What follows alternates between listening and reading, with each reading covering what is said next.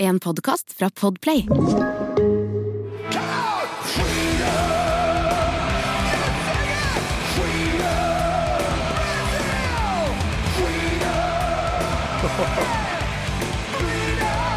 Ja, det, er perfekt.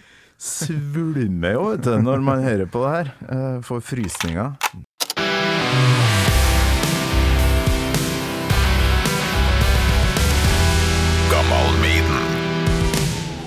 Flagg, så vi kan ta bilde og sånn. da. Ja, Så må jeg, måtte innom eh, museumsbutikken vår, for vi har da også laga vår egen Det er en gave. Et spilledåse med 'Ja, vi elsker'. Kødder du? Skal jeg få den? Den skal du få. Den kan eh, Jeg vet ikke hvor små barn du har, men den kan jo skape moro i heimen. Funker som bare juling. Jeg har jo tre unger, og den minste er tre år. Ja.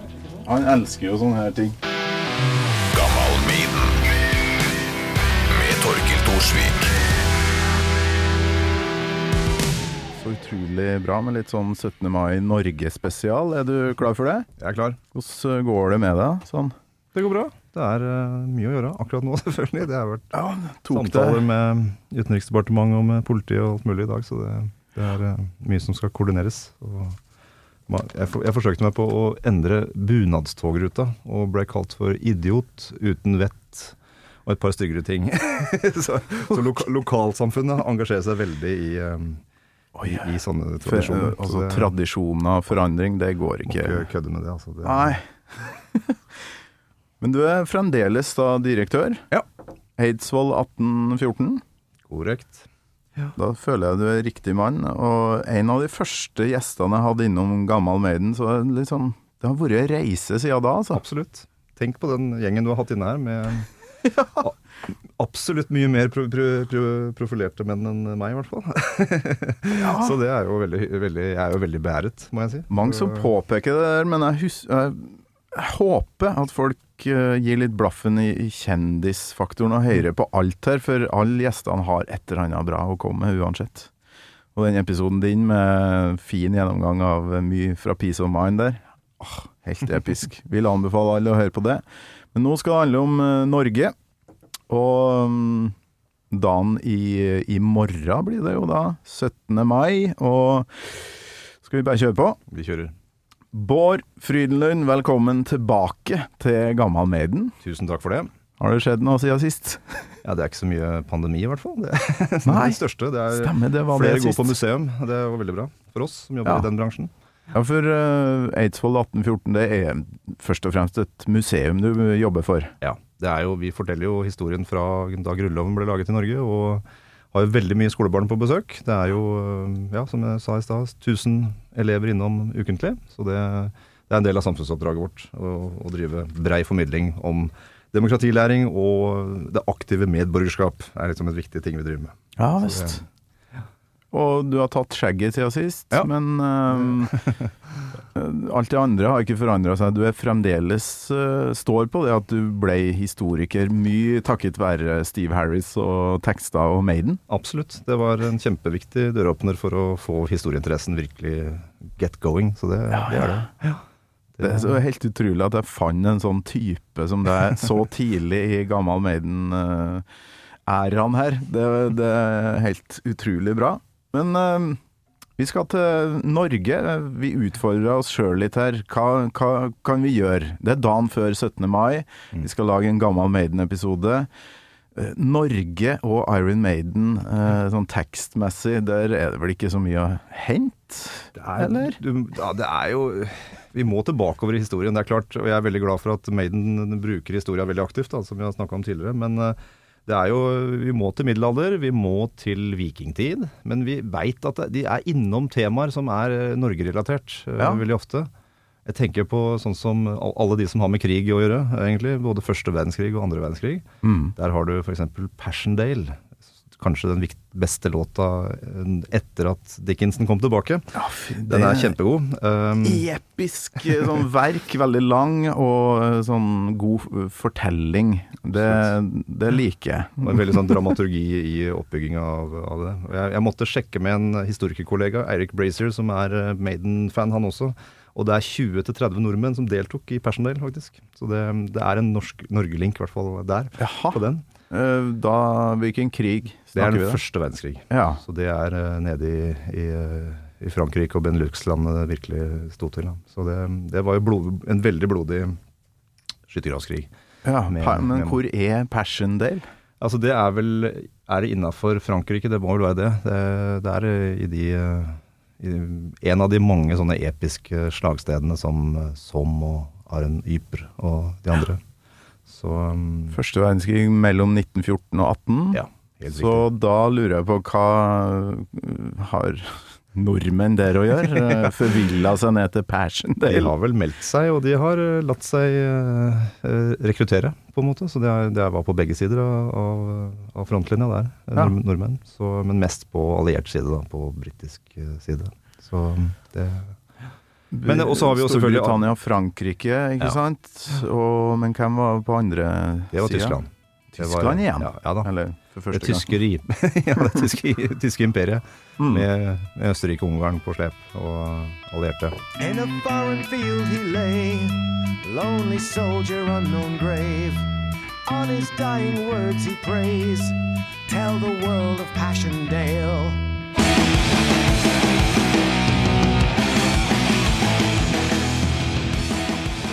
Ja, ellers så er det jo andre verdenskrig, selvfølgelig. Der er jo vi også involvert. Vi kan jo på en måte koble både Aces High og Run Silent, Run Deep fra No Prayer on the, for Dying. eh, Og uh, Tailgunner er vel også en sånn en ting som man kan si at i hvert fall luftkrigen var noe som også berørte eh, Norge i, eh, i, i form av det. Men det er jo ikke akkurat eh, Ja, på norsk jord, da. Men eh, Du, ra du raser framover her nå. Ja, Det, det er mye av det vi bare kan plukke opp litt seinere her. Vi, um, og kanskje særlig Aces High med den her Spitfire Messerschmitt uh, der jeg kommer fra, utafor Rørvik i Nord-Trøndelag. Der uh, fiska de uh, for noen år tilbake opp en Messerschmitt som så nesten, ja, nesten strøken, altså. Ja. Og det er kult. Uh, på, på all mulig vis så har jo mye av det Maiden søng om, Mm. påvirka oss nordmenn.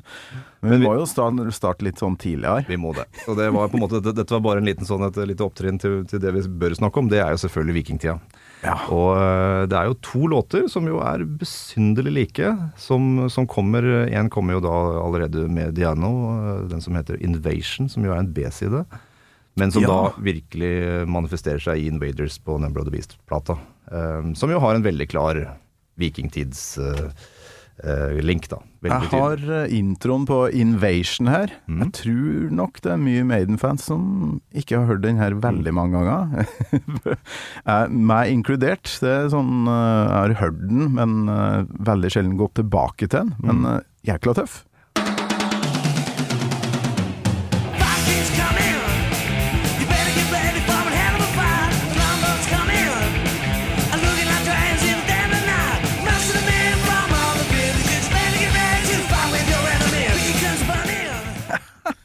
Det går i et svare tempo her. Og her kommer vi jo rett inn på det som på en måte er et av de viktigste hva skal vi si, kulturminnene for Norge. Altså vi har, det er, det, det, det, det er long, long, Longboats are coming osv. Det er The Vikings are coming. og Ja. Looks like dragon in the dead of the night. Altså Det er jo disse dragehodene på langbøyten, som f.eks. Ose, Osebergskipet. eh, Så, så det er, her er de rett på norsk historie, vil Ja, jeg si. ja, ja. Og det, det som slår meg her, er at det er klin umulig å høre kan synge, for det går så fort. og det skal være punk. Ja. Steve Harris vil jo ikke at det skal minne om eh, punk, men det er nå engang sånn at det høres veldig punkete ut, det her. Ja. og Har du med deg en som Diano, så blir det jo fort det. Ja, det ja, vil ja. ikke, tror jeg. Jeg har et klipp til der det mm, der de synger 'Norsemen Are Coming' uh, veldig, veldig fort. Så det er også her sjukt vanskelig å høre hva han sier.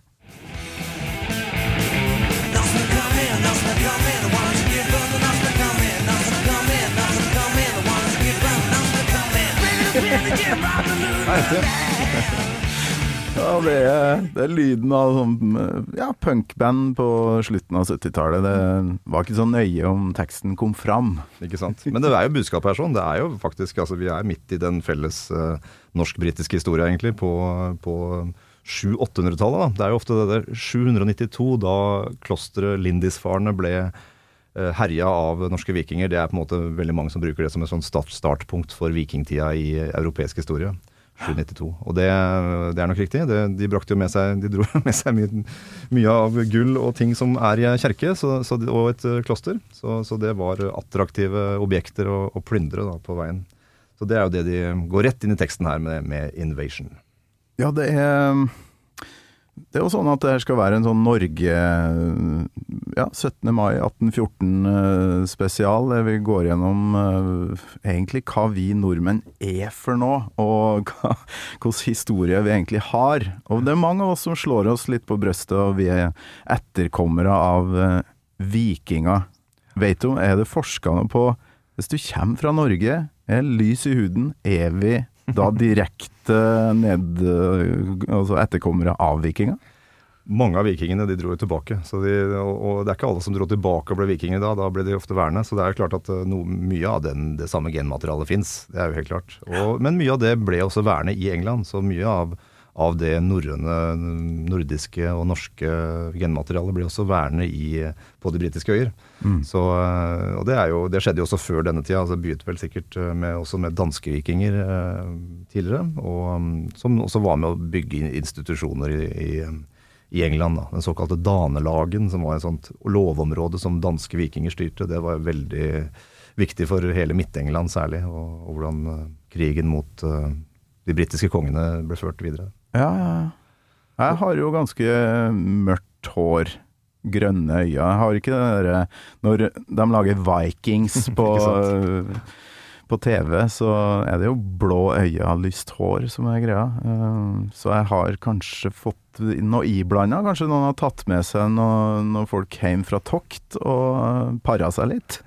Det var nok mye variasjon da også, tror jeg. Altså, så jeg vet ikke, jeg kan ikke komme med noen noe analyser av ditt genialt materiale på det. Altså. Beklager. Men det, Vi må snakke om hva, vikinga egentlig var for noen ting, for der eh, kommer det for meg som at det er en mye myter, altså. Men da må vi jo innom har lyst til å høre introen på den andre vikinglåta, for det er to. Det er to.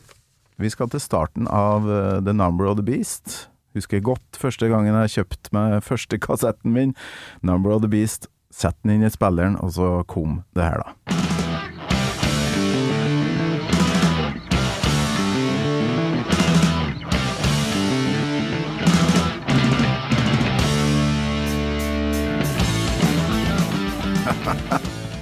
Det er heftig. Det er en god start. De, la, de lager jo sjelden utrolig dårlige fin. startlåter, eh, Maiden, på sine plater. Det er de gode på.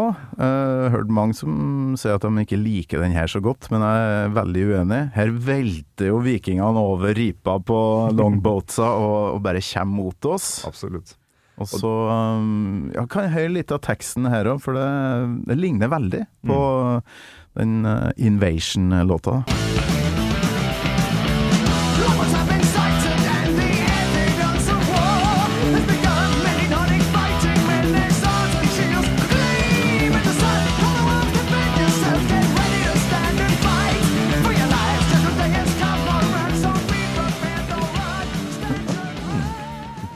Fan av låta, er du? Ja, altså jeg syns den er bra. Det er ikke den beste Det er jo, den, den når ikke opp til 'Hallowed Be Thy Name'. Det, det gjør den ikke. Eh, Jeg syns også Children, of the Dam' er også Vanskelig å slåss kjempe- med resten av Number of the Beast-albumet, da, men uh, Men det virker jo som det ikke har liksom At 'Invasion' det var et uforløst potensial. At her må Ja. vi lage noe enda mer som også skal inn på en ordentlig plate. på en måte Så, så det var en tematikk de nok brant inne med, som de ville ha videre. Jeg tenker Så- at Invasion egentlig er litt sånn malplassert tematikk i den punkaktige versjonen som Paul Diano kjører. At han kanskje ikke er helt komfortabel med å synge om sånne rare greier. Han ville jo bare ha opprør, ut og drikke, ut og gjøre brekk. Ikke sant? Ut og running free. Men her er det like mye tekst. Det er jækla Absolutt. mye ord her, og Bruce sliter med å med å artikulere, men han får det fram. Longboats have been sighted. The evidence of war has begun. Nordic fighting men, swords, shields. Altså, det her er jo vikingmyten, da. Mm. Var vikingene sånn som vi tenker? Altså, kjem til andre land, plyndrer, voldtar, brenner, og så stikker de av og fer videre? Det er nok ikke helt eh, det totale bildet, i hvert fall. Det er jo helt klart at noe av den offensive linja som ble, den var jo på en måte for å skremme den eh, lokale befolkninga de kom til. Og det greide de jo med, med glans, for å si det sånn. Men de hadde jo på en måte også litt sånn det som heter landomtanke bak. Altså man skulle erobre nytt land for å utvide sitt eget område.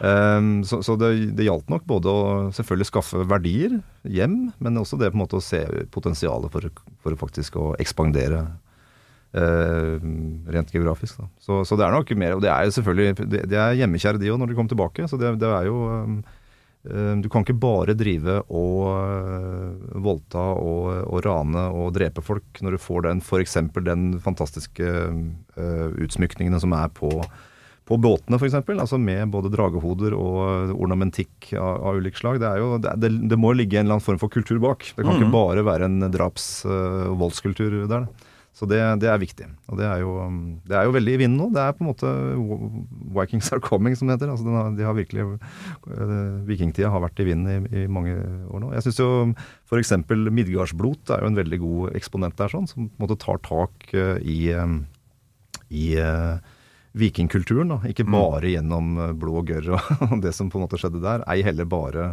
bare det, det, det, det grymme, men også har, har, gode program i forhold til de banda de også presenterer i, i Borreparken, Midgard eh, historiske senter. Ja, hvor er det hen? Og når? Vest, Vestfold, og det er vel i august de har, eh, de har eh, sin festival. Åh, Der er det jo Vardruna har jo vært der mange ganger. Og, Vardruna er tøft, ja. De har jeg sett live et par ganger. Ja. Det er jo De var nemlig på Eidsvoll. Stemning. Eidsvoll. Så det het jo Eidsivablot det første året i 2014, og så fra 2015 så begynte de som Midgardsblot på Å, ja. Borreparken. kult. Så. Jeg elsker jo uh, vikinger og hele det, det visuelle med det. Det var jo mye kunst som var ja, top notch på den tida her. Ja, ja. Men spørsmålet er jo uh, Når de reiste ut, da, de var jævlig modige som eh, ut på havet i åpen båt. Ja. Det er jo helt vilt. Men hvorfor gjorde de det? Hva var Hadde de ikke mat, eller hva, hva var liksom Nei, nei, men det var nok det, både å hente verdier og vurdere å erobre andre steder, og, og på en måte eh, kunne komme tilbake og sikre kosten he- heime, på en måte. sånn sett. Så det, det, er, eh, det er eh, mange ulike faktorer for hvorfor de dro ut, egentlig. Eh, Det var nok også eventyrlyst, rein eventyrlyst, for å på en måte sjekke ut hva som på en måte var på andre siden. Og det er den andre tingen. altså Fin ornamentikk og flotte dragehoder og sånt, er en ting, men det er jo skipskunsten. At de greier å lage disse store vikingskipene som, som, som tåler eh, stormkast i Nordsjøen, for å si det sånn. Så det er jo i seg sjøl ganske utrolig, når du tenker på at det er, eh, den kulturen ikke står for all mulig sivilisasjon som vi tenker med Det er ikke teateropera vikingkulturen er eksponenter for, da. Litt sånn rockere for eh, I sin tid. Mm. 1000 ja, Hvor lenge er det siden nå? da 1200 år siden, da, hvis vi begynner Ja. i hvert fall på når dette Jeg har lyst til å ut på eventyr, se nye land og fest, drikke. Eh, Hvis vi tar bort all den eh, drepinga og ja, kanskje av og til og voldtekter, for det er jo visse band som dessverre har gått litt langt der òg. Men eh, ja, rockere på 700-tallet, da. Absolutt. det må du si. Men nå eh, i dag eh, Jeg er trebarnsfar. Har seks måneder pappaperm hver gang eh, det kommer en ny en til verden. Og tar vare på familien, forsørger, reiser ikke vekk lenger enn ei uke i strekk, ikke sant. Og vi tar ansvar. Eh, Så det ble jo folk av eh, nordmenn òg. Ja da. Men kanskje de her vikingene hadde ei mjukere side, egentlig. Når de kom hjem, da. Absolutt, det må det nok være. Og det, det er jo sterke kvinneskikkelser både i de som drar ut, men også de hjemme som på en måte har kontroll på, på, på heimstaden. Så det, så det var det helt klart. Og, um, og så- men det er jo det er jo veldig mange forskjellige faktorer som spiller inn her. Sånn. Det blir jo en, eh, en sånn ganske heftig kristningsprosess som, som jo også går, kommer i gang da på 1000-tallet eller 900-tallet og framover også. Og, og der er det jo en, den, den store vikingen fra, som dør på Stiklestad i 1030, altså Olav, han er jo på en måte også en eksponent. Og det er også en del av eh, norsk-britisk historie, for han var jo også Han, han eh, gjorde jo tjeneste hos uh, eng- engelske kongen også. Så det, han hadde en, en karriere i engelsk tjeneste også. Så eh, det å gå i viking er jo et begrep, på en måte, at man drar ut og, og gjør tjeneste eller, eller drar ut for å plyndre. Så, Ja, så det var en del av dannelsesreisen da, på, for 1000 år siden. Sånn Hvor langt for dem? Altså Konstantinopel eller Istanbul er det jo mye Ja, det er- snakk om. Er det det lengste, liksom? De var nok eh, Altså, jeg, jeg tipper at på en måte Det er jo mest de svenske vikingene som dro østover, men du har jo nordmenn også, sånn som lillebroren til Olav, Harald Hårråde. Han var jo i eh, den bysantinske keiserens tjeneste eh, også. Så, det, Ja. så de dro helt til, til eh, nåværende Tyrkia da, eh, også. Eh, og de var jo rundt tippen og var innom Middelhavet også, og inn det sies jo dette at Karl den store gråt når han så at vikingene også kom sørfra. da tenkte han at oh shit, nå, nå er jeg stuck. Så de har det, det er jo, det er jo vitnesbyrd f.eks. på Sicilia også, eh, fra vikingkultur. Ja, ja, ja. Du er jo ekspert på 1814 og de tinga der. Jeg vet ikke om du kan svare på det her, men det har jo vært litt eh, wishy-washy i min oppvekst om det var vikinger eller nordmenn som uh, var først over Atlanteren.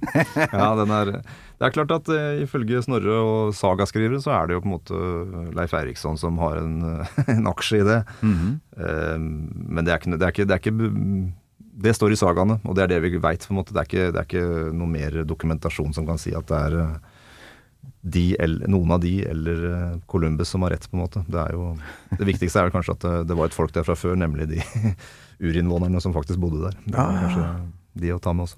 Grunnen til at jeg spør, er at det stadig dukker opp nye artikler om det her. Ja da. Og da tenker jeg sånn Men har de ikke funnet ut av det der ennå? Men det er fortsatt særlig en del canadiere og nordamerikanere som mener at det her er en hustuft som er garantert vikingkultur, på en måte. Ja. Og, og et eller annet båtstø som har stått i, et, i en eller annen vik osv. Så, videre. så det Nei da, det, det kommer jo mye fram. Det er vel ikke de, ikke de harde faktaene, vil jeg si, på det. Men, men eh, nei da, spekulasjonene fortsetter. Vi skal komme oss helt fram til 1814, vi, så vi Ja. kan eh, gå videre. Men jeg har lyst til å spille av eh, Her leverer Bruce Det er vel siste verset på Invaders, der jeg syns han har en tekstleveranse av rang.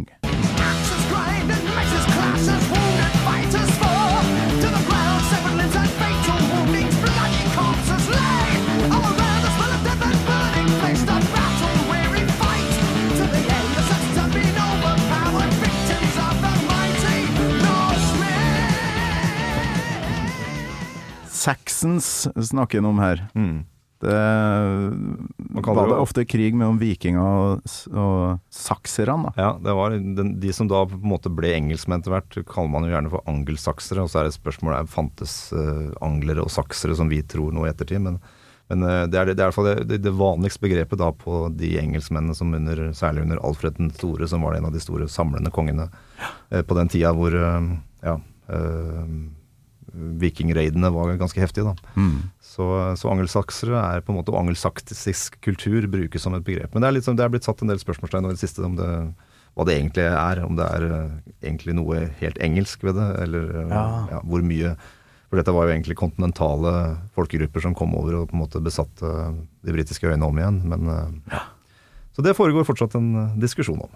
Det òg. Det òg. Men vi skal ikke glemme han som ligger og legger på noen nydelige bassganger i bakgrunnen her, Steve Harris. Altså, som er sånn som deg, da. Veldig opptatt av historie, tydeligvis. Må ha lest seg litt opp da på vikinger, ettersom han lager to låter, skriver to tekster om det. Ikke sant? Jo, han må jo det. Og det er jo øh, det er jo sånn at Hva er kildene hans? Og Noen ganger så har han lest mye Det er jo mange låter som er mer sånn Han har sett en film, f.eks., og bruker Ja. det som utgangspunkt. Og det er jo det er mange låter som er på en måte filmopplevelsen og hans gjengivelse og på en måte hans dramaturgiske grep for å få, få ei god låt da, øh, på det. Og det, det funker jo, det. Så det, det skal ikke gå han øh, sånn kildemessig og kritisk i sømmene, syns jeg. For det er på en måte selve historiefortellerkunsten som er det viktigste der. Altså. Mm. Men fram til vi har en eh, egen grunnlov, 17. mai Ja. 1814, hva skjer mellom eh, Det er jo mye trøbbel, ikke sant. Det er mye borgerkrig, og så blir det noe som man kaller for Norgesveldet på 1200-tallet, som er et ganske stort uh, rike, da, som også omfatter deler av Storbritannia, med Orkenøyene, med Isle of Man, og de er innom Dublin litt, og så er det ulike andre øyer som de også besetter. Men det er på en måte kanskje det største Norge du har, på, på rundt eh, 12, eh, ja, 1250, da, hvis du tar et, tar et tall. Norgesveldet? ja. De kaller det det i sånn eh, tradisjonell historisk forstand. Ja, For det er- er mye av de øyene du nevnte som har mye sånn norske sånn, ja, Mye norske navn og forskjellig sånt. Ja. fremdeles. Og da hadde vi jo selvfølgelig også Island og Grønland og, og Færøyene som en del av Norge også. Det er riksenheten Norge. Og så hadde vi jo Jämtland og Herjedalen i Sverige, og vi hadde, vi hadde jo Arvika, eller, eller Bohuslän som området heter da. Ja. Så det var jo, vi slapp jo å ta svenskehandel da, eh, når vi eide det selv. Så det, nei da. Men, eh, du, du hadde jo, men det viktigste området var faktisk Bohuslän, det som ligger ned mot Göteborg. Så det var liksom ikke langt unna Göteborg by at grensa til Norge gikk da, eh, på den tida. Sånn. Göteborg det er jo en nydelig by med festningsverk Mm. og Du har Båhus eh, festning, den ligger jo rett ovenfor Kungelv, den lille byen Kungelv som ligger eh, rett nord for Gøteborg. Göteborg. Ja. Og det er liksom grensefestningen mot de fæle svenskene som man da gjennom flere hundre år kjempa mot. Vi har jo et band eh, borte i Sverige der som eh, ja, halvbeslekta med Maiden, fordi de synger bare om krig. Sabaton. ikke sant. De har jo den derre Carolus Rex og de tinga der. Det er vel han eh, Det er Karl 12. Karl den tolvte, ja. Karolingerne. Det var på en måte sånn et eget eh, ja, et begrep som ble etablert på tidlig 1700-tallet. Mm. Og Det sier jo det at eh, selv om vi liksom ser på tyskerne som de som er de fremste disiplinkrigerne liksom på, helt fram til våre dager, så er det jo, sies det jo det at det er svenskene og karolingerne som faktisk lærte prøysserne å bli prøysere. Så, eller tyskere å bli tyskere, da, for å si det sånn. Så det var en veldig sånn Ja, det var til tider kadaverdisiplin da, i de rekkene her sånn. Jeg syns, Maiden holder eh, noen divisjoner høyere enn Sabaton. Da. Det blir også litt sånn De kjører ett kort ganske mye, syns jeg. Så det blir litt uh, Ja, ja, ja. Der er vi enige. Men jeg syns likevel det er artig med Carl 12., for Tons of Rock var jo på den festninga der han falt, Ikke sant? før, i Halden. Ja. Det, Jeg vet ikke om Sabaton øh, var der nå? Jo da. Du har det? ja, det jeg kult, var da. ikke der, men jeg hørte noen rykter om at det, det ble snakka om fra ja, scenen, for å si det sånn, da. Ja, men det er bra. Ja, men det jeg lurer på med Norgesveldet, hvordan var det mulig egentlig? Med, altså, hvordan fikk vi e- ekspandert? Det var jo øh, en god samla krigsmakt og, og, og, og skipskunst som kunne på en måte opprettholde linjene mellom de ulike riksdelene. Da. Og, øhm, så det var mulighetene. Men det, det, før det så var det borgerkrig, og så etterpå så ble det borgerkrig og krig. eh, Og så begynner man å krige med, med, med, med svensker, selvfølgelig. Og så blir det på en måte mer og mer uro, og du får en svekka adel i Norge. Og så går man liksom og nærmer seg 1300-1400-1500-tallet, så, så får Norge en svakere stilling i Norden. Og det ender jo da med 1536-37, hvor vi går inn i en sånn lydrikestilstand. Altså vi blir, vi blir et fylke i Danmark, rett og slett. Mm. Etter også å ha vært i denne, denne Kalmarunionen på slutten av 1300-tallet. Men, men 1537 er, liksom, 37 er virkelig eh, bunnpunktet. Da står vi bare som et dansk fylke, nesten. Så da, da er det på tide å komme opp igjen, får vi si. Ok, 1537. Ja, 36-37. Det er da den eh, reformasjonen innføres, og, og vi eh, kommer i en sånn Vi får en, vi får en lydrikestatus, som det ofte heter, da, under Danmark. Ja visst. Men den derre det, det storrike, er det en konge, eller hvem er det som liksom klarer å samle troppene og, og få til det her? Håkon Håkonsen var jo den som var den store kongen under, eh, under eh, dette norgesveldet. Og da sønnen hans, eh, Magnus Lagabøte, som eh, lagde denne landsloven som, eh, på, på 1270-tallet. Så, så, eh, så de greide det å holde både indre, indre disiplin og indre, indre ro, da. Samtidig som de greide å forlike seg med ytre fiender og ikke bli utsatt for eh, andre invasions, for å si det sånn. Eller andre invaders, for den saks skyld. For her har det jo skjedd ting eh, i mellomtida, fra viking til For det her, hva kalles den epoken her, da? Sånn Ja, dette er jo på en måte middel- overgangen fra vikingtid til middelalder. Ja. Det er, man kaller det ofte den mørke middelalderen, men det er, i norsk sammenheng så er jo i hvert fall det den norgesveldeperioden. Det er jo på en måte det er, Du kaller det gjerne for høymiddelalderen også, da, som en sånn i, i norsk historie. Ja, så, ja, um, så det er eh, det er så Det er pika Norge, for å si det sånn. Ja. hvert. Viktigste før eh, det her, eh, sånn omveltningsmessig, må jo være det de synger om For du, vi snakka på telefonen, du nevnte den låta her. 'Purgatory'.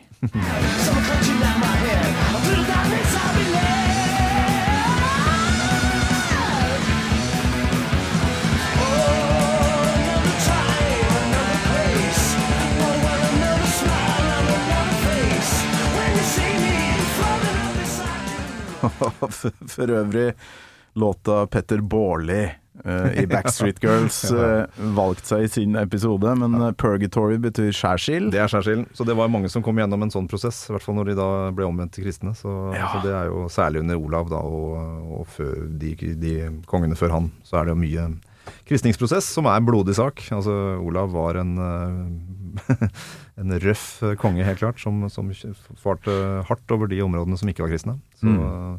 så det var like mye realpolitikk som uh, tro og overbevisning der, tror jeg. Altså. Det er helt klart. Og da var det nok mange som følte et purgatory, uh, både før og etter.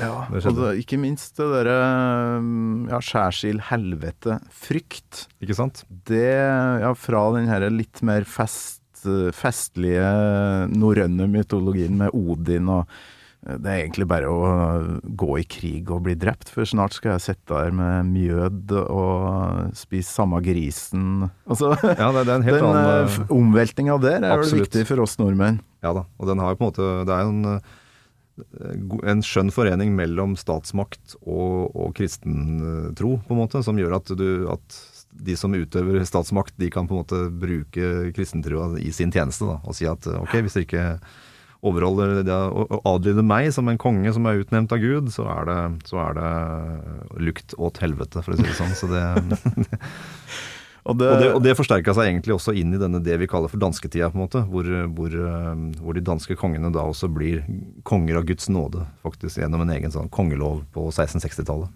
ja, ok. Så da, da er det da er det eneveldet som ruler, faktisk. da. Det, jo, det var jo franskmennene som virkelig fikk gjennom et enevelde, men eh, Danmark-Norge fikk eh, virkelig gjennomført kanskje det mest konsekvente eneveldet her i Norge. For vi hadde jo ikke noe adel igjen. altså Adel hadde på en måte mer eller mindre, i hvert fall høyadel, eh, forsvunnet ut, nesten. Eh, Mm. Og de hadde blitt eh, ja, det, hadde, det, var- en politisk prosess der også, at man hadde blitt eh, fjerna fra alle viktige embeter. Men eh, så det er eh, 16 1600-tallet er jo et, eh, et, også et hardt ord. Det er veldig mye krigen der også. Det jo, du har jo den 30-årskrigen på begynnelsen av århundret, hvor svenskene var veldig seiersrike, men vi i Danmark-Norge vi var ikke så heldige ut. Og, og så begynte virkelig krigene mellom Sverige og Danmark-Norge da på slutten av århundret. Så da ble skatt, skattene ble skrudd opp, og, og krigen ble Det var mye som ble Altså mange mange norske gutter som ble enten satt inn i marinen eller som landsoldater. Da. Så det, det, var, eh, det var tøffe kår. Ja, fy flate. Altså, vi er verdens beste land å bo i gang på gang i sånne kåringer. Fredelig land gjør jo ingenting ut av oss, egentlig, men for en historie. Mm. Altså, Sjukt mye kriging. ja, ja. Ja, på denne tida så er Norden det mest militariserte samfunnet i verden. På 1600-tallet. Det er, det er, og det er som jeg snakka om at uh, karolingerne lærte prøysserne å bli prøyssere. Det er ikke, det er ikke ljug, det. Altså, det er sant. Og det har noe med det at uh, man greide å, å, å sette i gang et sånt statlig system med militærutskrivning som var ganske heftig, og også selvfølgelig også stimulert av en gryende krigsindustri også på produksjonssida.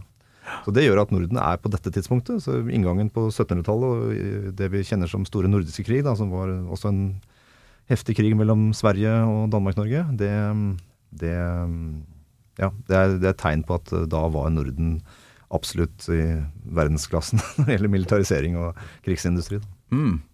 Storbritannia, da, som er etter hvert da blir eh, fødelandet for heavy metal. Deep Purple, Led Zeppelin, Black Sabbath Ikke sant? Og etter hvert Iron Maiden. Hvilket forhold til, hadde vi til Storbritannia opp gjennom den eh, turbulente perioden? For Danmark og Storbritannia, der har bestandig vært tett. Absolutt. Og det er jo, det er jo bare Nordsjøen om å gjøre unna. Så det, det var viktig, og særlig inn på 1700-tallet, for da kommer, etter denne krigen som jeg nevnte, så, så, så går Norge inn i en, eh, inn i en nøytralitetsperiode. Nøytralitetshandel, og da er England den viktigste havnen for norske produkter. Og det er særlig trelasteksporten da, som er det som gjør nordmenn rike. Mm. det er også noe jern og fisk, selvfølgelig. Det er Lofotfisken som går via Bergen og ut. Den, den er in, i, veldig innbringende, og du selger bra med plank i, Trøndelag også. Men, men særlig Østlandet og Sørlandet, der er det på en måte en enorm boom, som de, eller det stimulerer en enorm byggeboom i, i England, da, som, som trenger norsk plank. Og det gjør Plank, ja. Ja, faktisk. Altså det er, eh, Trøndersk skog. Ja, rett og slett. Det er skogsprodukter. Det er, det er tømmerprodukter som de selger. Og, Ja, hva, og tjener mye penger. nedi der er det som kan være bygd av uh, trøndersk uh, gran? Ja, bjørk? absolutt. Altså, nå er jo, det er jo ikke holdbarheten her så, så som så, men det, for det var, ikke, det var liksom én sånn byggestandard som ble kalt for uh, Christiania Deals. Det var, det var Christiania for det gamle navnet for uh, Oslo. da. Mm. Så, så de, det var på en måte en standardvare som, som hele England kjøpte uh, virkelig store, store mengder av. Så, så der, var, der, var det viktig å ha, ha Norge med som, uh, som handelspartner gjennom Danmark-Norge. da. Vi hadde jo fortsatt København som vår hovedstad da. Mm. Men når vi kom på slutten av århundret, da, det er da på en måte folk, da har vi jo hatt både opplysningstid, det har vært noen revolusjoner rundt omkring i verden, og folk begynner å få opp øynene for liksom Kanskje er Norge noe som kan stå på egne bein? Og det er jo det som da man begynner med særlig rett før 1814. Og særlig da 1807, hvor Norge også blir en del av napoleonskrigene. For dette er jo også en napoleonstidsalder da, når vi kommer inn på dette nye århundret.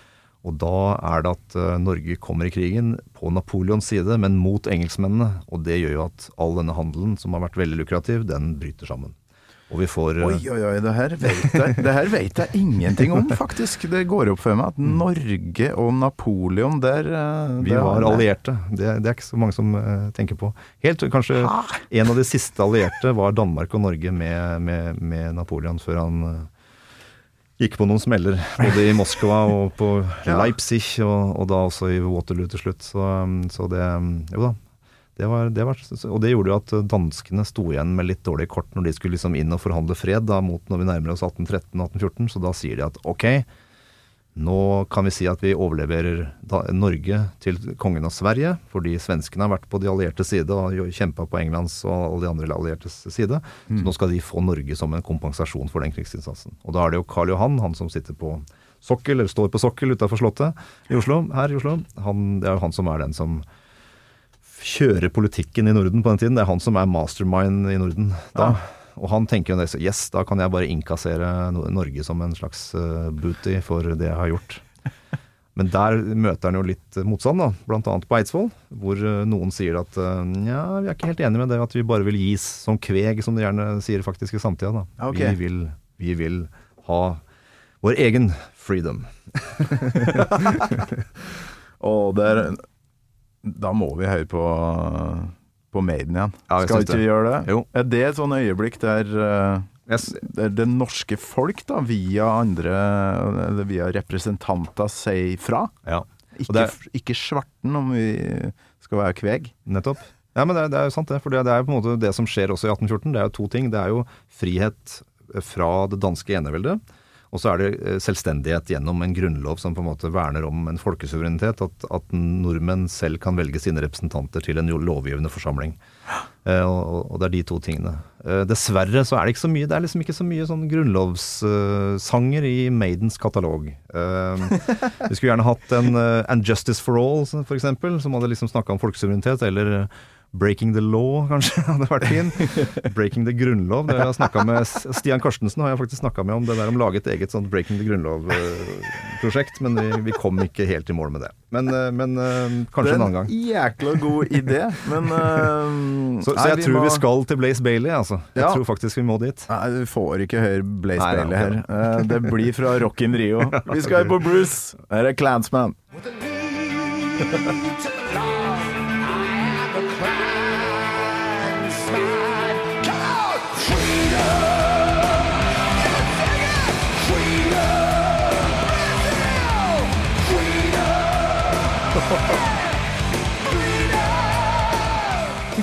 Ja, det- er perfekt. Svulmer jo, vet du, når man hører på det her. Eh, Får frysninger. Eh, Veldig god låt. Jeg skal gi Blaze Bailey-perioden det, at det kom noen eh, gode låter der. Det det. Og den her er sånn live-øyeblikk som bare Ja, du står jo bare og, og kjenner på det For det her må være noe skotsk, ikke sant? Litt ja, sånn Braveheart-aktig. Det, det er jo ikke det, det er dessverre ikke Norges historie vi snakker om, men det er på en måte kanskje Norges eh, versjon i, i, i Brit Storbritannia, hvis vi skal si det. Det, kan jo, Ja. det, knives jo litt om vi er Irland eller, eller Skottland, men eh, det er klart at skottene hadde jo en sånn en eh, separatist- og selvstendighetsbevegelse, og, og, hatt, og var jo i likhet med Norge et eget eh, rike på, i middelalderen. Og, og, og, og fram og tilbake har det vært kriging med engelskmennene særlig. Helt fram til 1740-tallet, er det ikke det? Når denne Bonnie Prince Charles, som var liksom en, en av de siste mm, nasjonale samlingsfigurene, virkelig Han stakk av til Frankrike, og da var det slutt, på en måte. Da innfant de seg i i eh, Londons overherredømme, da, for å si det sånn. Ja, ja. Men det er mye av det samme. Ja. Eh, ja, vi kan overføre den derre frihets... Den derre stoltheten over til rundt 1814, rett før der. Mm. Med en liten digresjon. William Wallace, Mel Gibson, Ja. med sånn blå maling. ja. Hvor mye friheter har de tatt seg i den filmen? Aner du ja det, det har jeg ikke analysert noe særlig inngående. Altså, men, eh, Blåsminken der, for så det er vel en sånn pikter-relasjon, sikkert. Og det, og det er jo selvfølgelig det skotske flagget som, de også vil ha inn der. sånn. Så jeg, jeg må innrømme at der er ikke jeg sterk på hva opphavshistorien her, men det er vel sikkert en liten miks som amerikanske filmprodusere syns passer bra, og da, da blir det sånn. Det Det er et par, selge, år, par år siden jeg så den filmen, og så har jeg fått et sånn distansert forhold til den. da Så bare sånn Det er jo litt teit film. Men så så jeg den, og begynte å grine. ja, ja, ja. Du hadde, du hadde Rock and Rio i bakgrunnen. Så, Ja, ja. når jeg hører det derre A country of our own Da det er sånn Åh, det bare svulmer. Og jeg vet ikke om det For vi nordmenn på rundt 40-50 år, vi har ikke opplevd så veldig mye motgang. Det er, det er litt av en, ei tid vi lever i. ja, absolutt. Veldig enkelt å leve av. Ja. Um, hvordan var det i 1814, da? Sånn uh, Det var tøft. Det var jo på en måte en tid som da De hadde hatt sju år med nød. Det hadde jo vært befolkningsnedgang, altså flere døde enn en ble født. Uh, Henrik Ibsen lagde jo diktet 'Terje Vigen', hvor denne fiskeren fra Sørlandet uh, seiler over til Jylland for å få tak i korn. Og det var jo en realitet. altså Det var virkelig, det var uh, ordentlig uh, hungersnød i Norge i flere dalfører.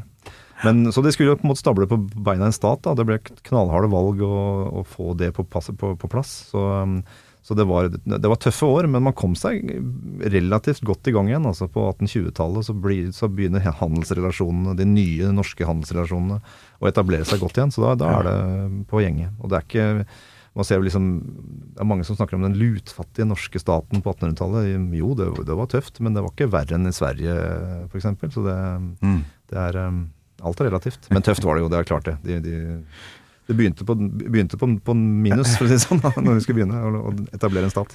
Nå driver jo folk og pusser sølja og um, tar fram flaggene sine, og vi poster bilder på Facebook, og vi finner et sånn fellesskapsfølelse der. Men i 1814 uh, var ikke noe Facebook og sånt da. Hvordan var nasjonalfølelsen?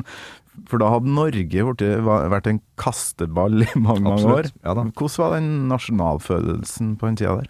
Det er jo sånn at de, de, de tenker jo bl.a. tilbake til middelalderen. Når de snakker om liksom, hå- øh, han som da var president og skulle liksom si at nå har vi valgt en konge og alt mulig. Da han bruker jo på en måte øh, Nå har vi valgt en konge på denne tronen som øh, sverrer og eller adelsteinsfostrer og, og sverrer. Altså han bruker kongenavn fra middelalderen da, for å på en måte få fram det igjen. Ja. Men, øh, men det var jo øh,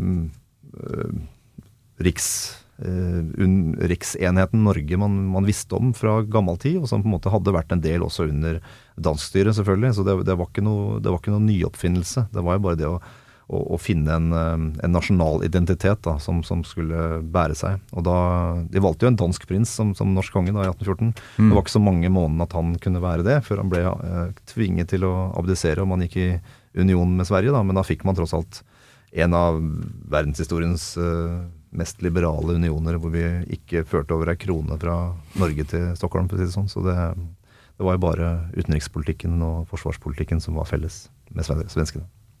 Ok. Union, og dermed så Hva heter han kongen? Eh, først het han jo, Det var en gammel en, Karl 13., men Karl Johan, som da var regjeringsleder allerede fra 1814, han ble konge først i 1818. Krona i Nidarosdomen, selvfølgelig.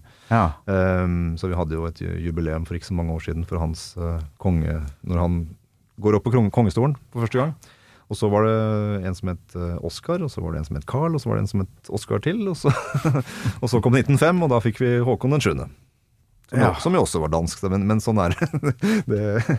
Ja, sånn, jeg mener jeg leste uh, her om dagen uh, var sang for kong Harald her om dagen. Ja, ikke sant? Ja, var på Fantastisk. med mannskoret og Fikk synge eh, Frank Zappa 'Why Does It Hurt When I Pee' med kong Harald. Så da måtte jeg inn på Wikipedia og sjekke litt sånn Hvem er han herre karen? For det, nå er det lenge siden sist. Mm. Og den slekta der eh, var fra noe sånn Schleswig-Holstein ja, er- Et eller annet hus nedi Eller sånn eh, adel fra Tyskland. Ja da.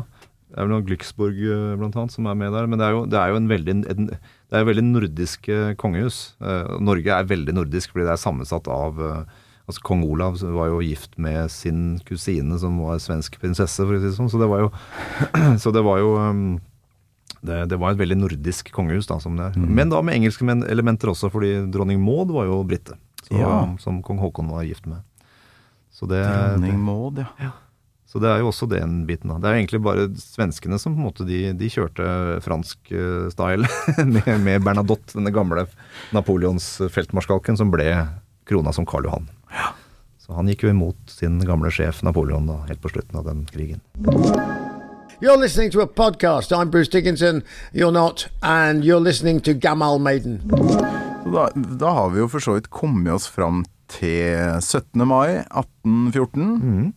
En gjeng bortpå ja, der du jobber, som uh, satte seg ned og, og skrev Grunnloven. Hvor mye av den er vi fremdeles uh, bruker, for det må jo ha vært noen endringer her. Absolutt. Det er jo særlig det som har med overnasjonale organisasjoner å gjøre. Det har jo vært endringer. Men, men eh, særlig denne maktfordelingstanken, den, den har vi opprettholdt. Og den var jo veldig moderne i 1814, når, når eh, vi også tok den inn i den norske grunnloven. Den var jo veldig influert av den amerikanske eh, 1787-grunnloven, med liksom en dømmende makt, en, en lovgivende makt og en, og en utøvende makt. Men eh, vi fikk jo Stortinget, og det, måte, det, det ligger jo der fortsatt og, og har sin eh, sammensetning. Selvfølgelig har den utvikla seg, den også, men, men, men eh, selve tanken om en folkesuverenitet og en maktfordeling, det har vi jo fortsatt. Og det er jo det som også greier å verne om de rettigheter som, eh, som vi har, men som kanskje ikke f.eks. folk i Ukraina har nå.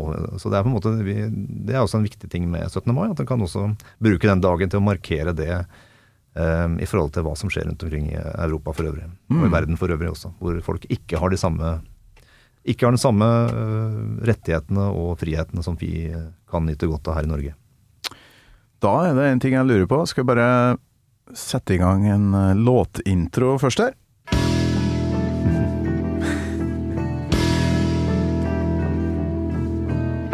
Tok ikke mange sekundene før du hørte hva det var. Nei, nei, nei. I'm waiting in my Ja.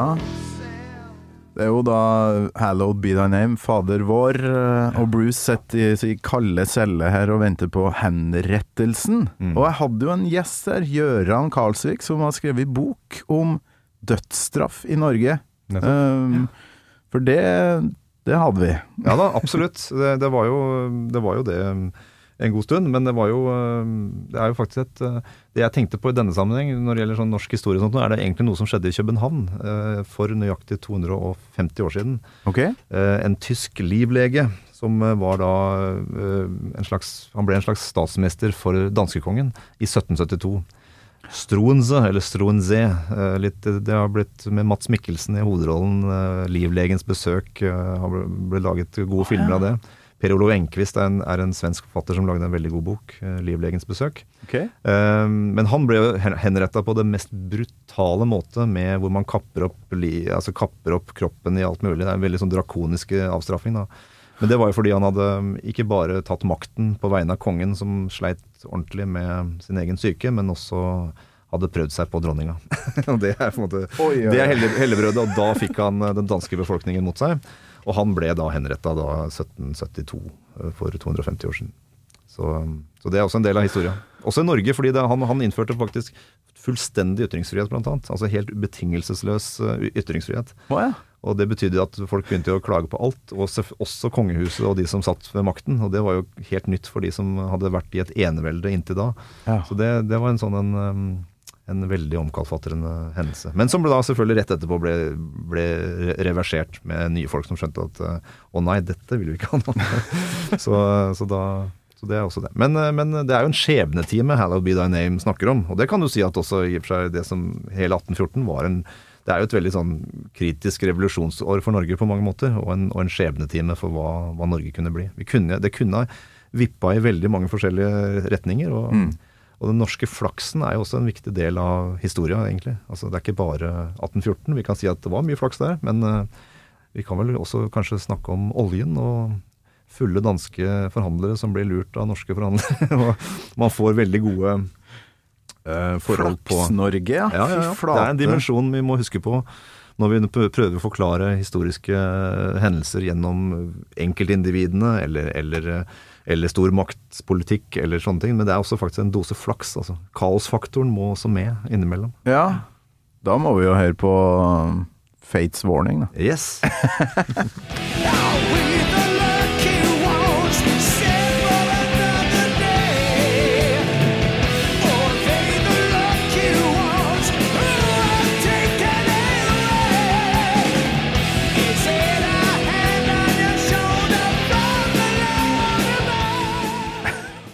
Teksten her Det er rett inn. Dette er, norsk, dette er norsk historie i et eh, lite nøtteskall, egentlig. Her er det. Å, fy flate. Det var deilig å høre noe fra No Prayer for the Dying, altså. Ja, ja, ja. Ja, det- Ut, utskjelt album. Absolutt utskjelt. Nei, det er absolutt ikke den dårlig, det dårligste låta på den plata, syns jeg. Fates Warning. Men den går liksom i det. altså Det er på en måte Hvem er, hvem er det som styrer eh, skjebnen for, en, for, en, eh, for et land, for en enkeltperson, noe?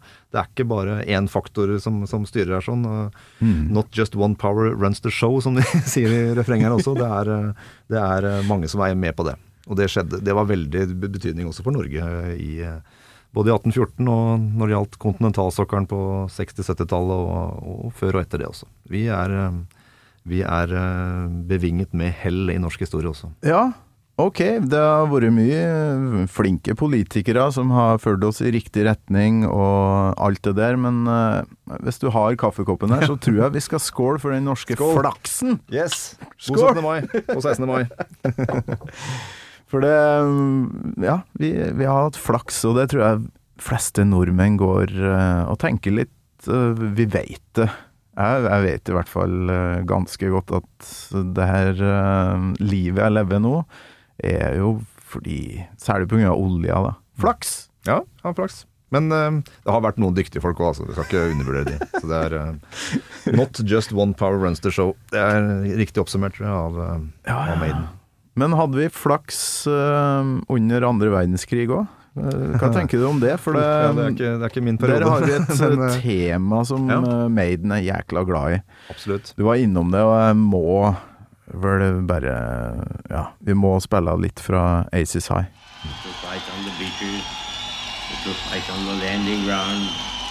We shall fight in the fields and in the streets. We shall fight in the hills. We shall never surrender.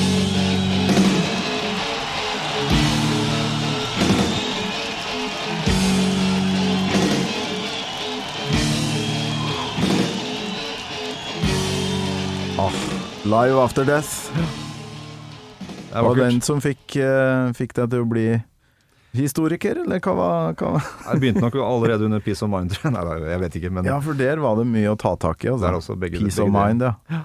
men det er jo, hvis vi skal på en måte Vi, vi har jo samme favorittlåt, 'Rhyme of the Ancient Mariner'. Og hvis vi skal på en Ja. måte si én låt som, som er eh, 1814, så er det jo egentlig 'Rhyme of the Ancient Mariner'. For det, den er jo nærmest. Den er jo fra Samuel Taylor Colbridge's dikt fra 1798, og, og går jo rett inn i skipsfarten, som jo er helt avgjørende for norsk historie også. Så, Ja, så her er det tematikk å bruke.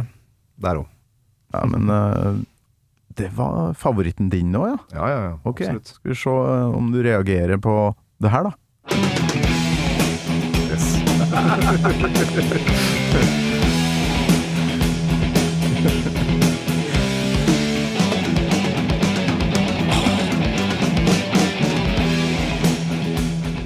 Folk må begynne å bli lei av at jeg maser om den låta her, og i hvert fall de som ikke er Maiden-fans, skjønner sikkert ingenting om hva de tonene her og det rytter, altså den der eh, galoppen, hva det betyr for meg, og Mm. Ja, da, ja, ja, absolutt. Altså, jeg må jo. Ikke for å gjøre deg eh, misunnelig, men altså eh, Drammenshallen 1986, når den kommer på, det er helt eh, Samme hva Summer on, in Time eh, før det, altså, men når den kommer på, det er da festen begynner. Helt klart. Ah, fy flate. Du var på den òg, du. Og så sitter du med den derre The Prophecy Ja, det, eh, jeg vet ikke om vi får uh, ja. Jeg kan, jeg kan reise meg opp. genser! Ja, dette her er jo uh, kjøpt der i, eh, i uh, to år seinere, da. I, Ja. i Drammenshallen. Eh, Siste låta Nei, siste, siste opptreden var det vel, på hele Seventh Seven Tour of Seven Tour, eller hva de kalte den for noe. Ja, ja. Så det var jo med bløtkaker og alt på den, husker jeg. Det siste konserten jeg hadde. Den genseren jeg skulle gjerne hatt, for jeg elsker det der, eh, Ja, den er fin. coveret der, altså. Det er mitt eldste klesplagg som jeg i hvert fall har kjøpt sjøl, tror jeg. Jeg liker, jeg syns jo det er kult med Eddie når han er en uh, ramp i bakgatene i London, men eh, det er jo når han er farao eller uh, profet da, med den eh, krystallkula her, at han virkelig kommer til sin rett. Ikke sant? Ja da. Fy det flate, for Eddie passer for enhver, for enhver anledning, egentlig. Det. så bare en mann med ljåen som går igjen i, i Mm. bakgrunnen her. Døden, så klart. Men da, ja. Andre verdenskrig, vi er på rettsida der. Eh, det er jo ikke din periode, det her. Sånn, du, du har ikke lest eh, 40 000 bøker, men du vet sikkert mer enn meg. da. Var det noe flaks i andre verdenskrig? Ja, eller ja, det, den er, det, er så, det er så mye krit, såkalte kritiske faser i andre verdenskrig at det er vanskelig å liksom ta flaksfaktoren inn der, egentlig. Men, eh, men der var, hadde jo noen allianser som på en måte over tid viste seg å pay out, som det heter. Så det er jo um, Ja. Nei, der, der skal jeg Det, det er sånn eh, Jeg har jo lest noen bøker, men det, Får bli en annen episode. Ja, jeg tror det, altså. Da må vi forberede oss bedre, tror jeg. Men Rhyme of the Ancient Mariner, der er det vel mye nordmenn eh, som kan kjenne seg igjen for skipsfart, og, og ikke minst overtro, for Mm. den handler jo om en albatross som blir han drept, eller? Ja, den blir jo drept. Ja. Så det er jo det som på en måte Det er da stormene kommer, og det er da uh, skipet går ned, for å si det sånn. Så det er jo Jo da, det er jo norsk skipsfart. Altså det, uten det så hadde vi jo ikke hatt noe særlig næringsliv i Norge. Så det, det er jo også den måten vi kom ut i verden. Helt fra Invaders til eh, om ikke Freedom, så i hvert fall Rhyme of the Ancient Mariner, da. så, så, så, så skipsfartshistorie er viktig for Norge. Det er på en måte Det er fisk, det er bergverk, det er eh, trelast, og det er, eh, og det er skipsfart. på en måte. Det er eh, noen av de næringsveiene som har også vært med å bidra til at Norge er det Norge vi har i dag. Long boats have been sighted. The evidence of war has begun. Men da tror jeg vi fant liksom eh, sirkelen. Sirkelen slutta. Det er hav, skip, sjøfart, og syns vi nordmenn kan være, kan være fornøyd, da. Ja. Vi, må ikke bli, må ikke bli høye på pæra, men vi, vi, har, vi har greid oss ganske bra. Men på 17. mai har vi lov til å, å slå oss litt er klart ekstra hardt på brøstet. For de av oss som har sett hva Putin greide å gjøre 9. mai, så, så er det jo greit å kunne se at er, vi har barnetog med flagg, og det er barna som er i sentrum, ikke, ikke bakke-til-bakke-raketter og, og, og stridsvogner. Det er, en, det er en stor forskjell på de to former for uttrykk når det gjelder på en måte nasjonale eh, markører i en feiring. Da. Ja, for han eh, viderefører vel heller det våre forfedre vikingene drev på med. Frykt, for det var, frykt var viktig for dem. Ja, ja, Og det er vel det det han holdt på med. Fortsatt, dessverre. Mm. Hvordan, eh, hvordan blir 17. mai for deg, da? Det blir, eh, det blir jobb og moro fra morgen til kveld. Det er opp og heise flagg klokka åtte og holde taler ved ulike bautaer og kran- bekransninger. Og så er det barnetog på dagen, og så er det fest på kvelden. Med utenriksministeren som hovedtaler og Eldar Vågan som hovedartist. på- Eldar Vågan! Det blir bra. Perfekt! Da får vi mye hits, det er jeg helt sikker på. Med det flotte bandet Narum som backeren også, for øvrig. Det blir flott. Ja, Hvis noen lurer på hva jeg skal gjøre på 17. mai, så står jeg da i loddbua ved huskestativet på Østensjø skole fra klokka 17 til 19. Det, det er min post. Det er fjerde klasse, nemlig foreldrene, som er i komiteen i år. Så da vet jeg hva jeg skal gjøre.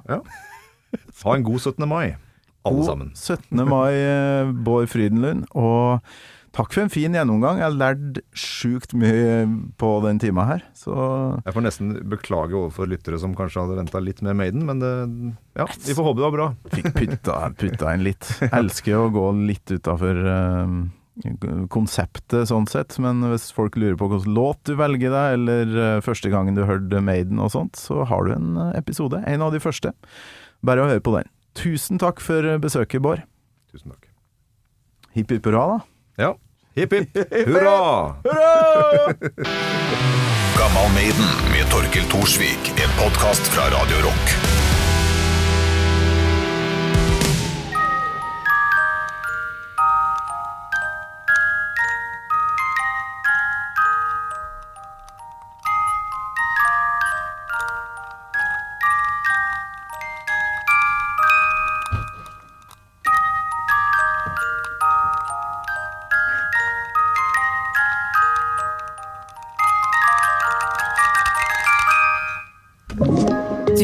Podkast fra Podplay.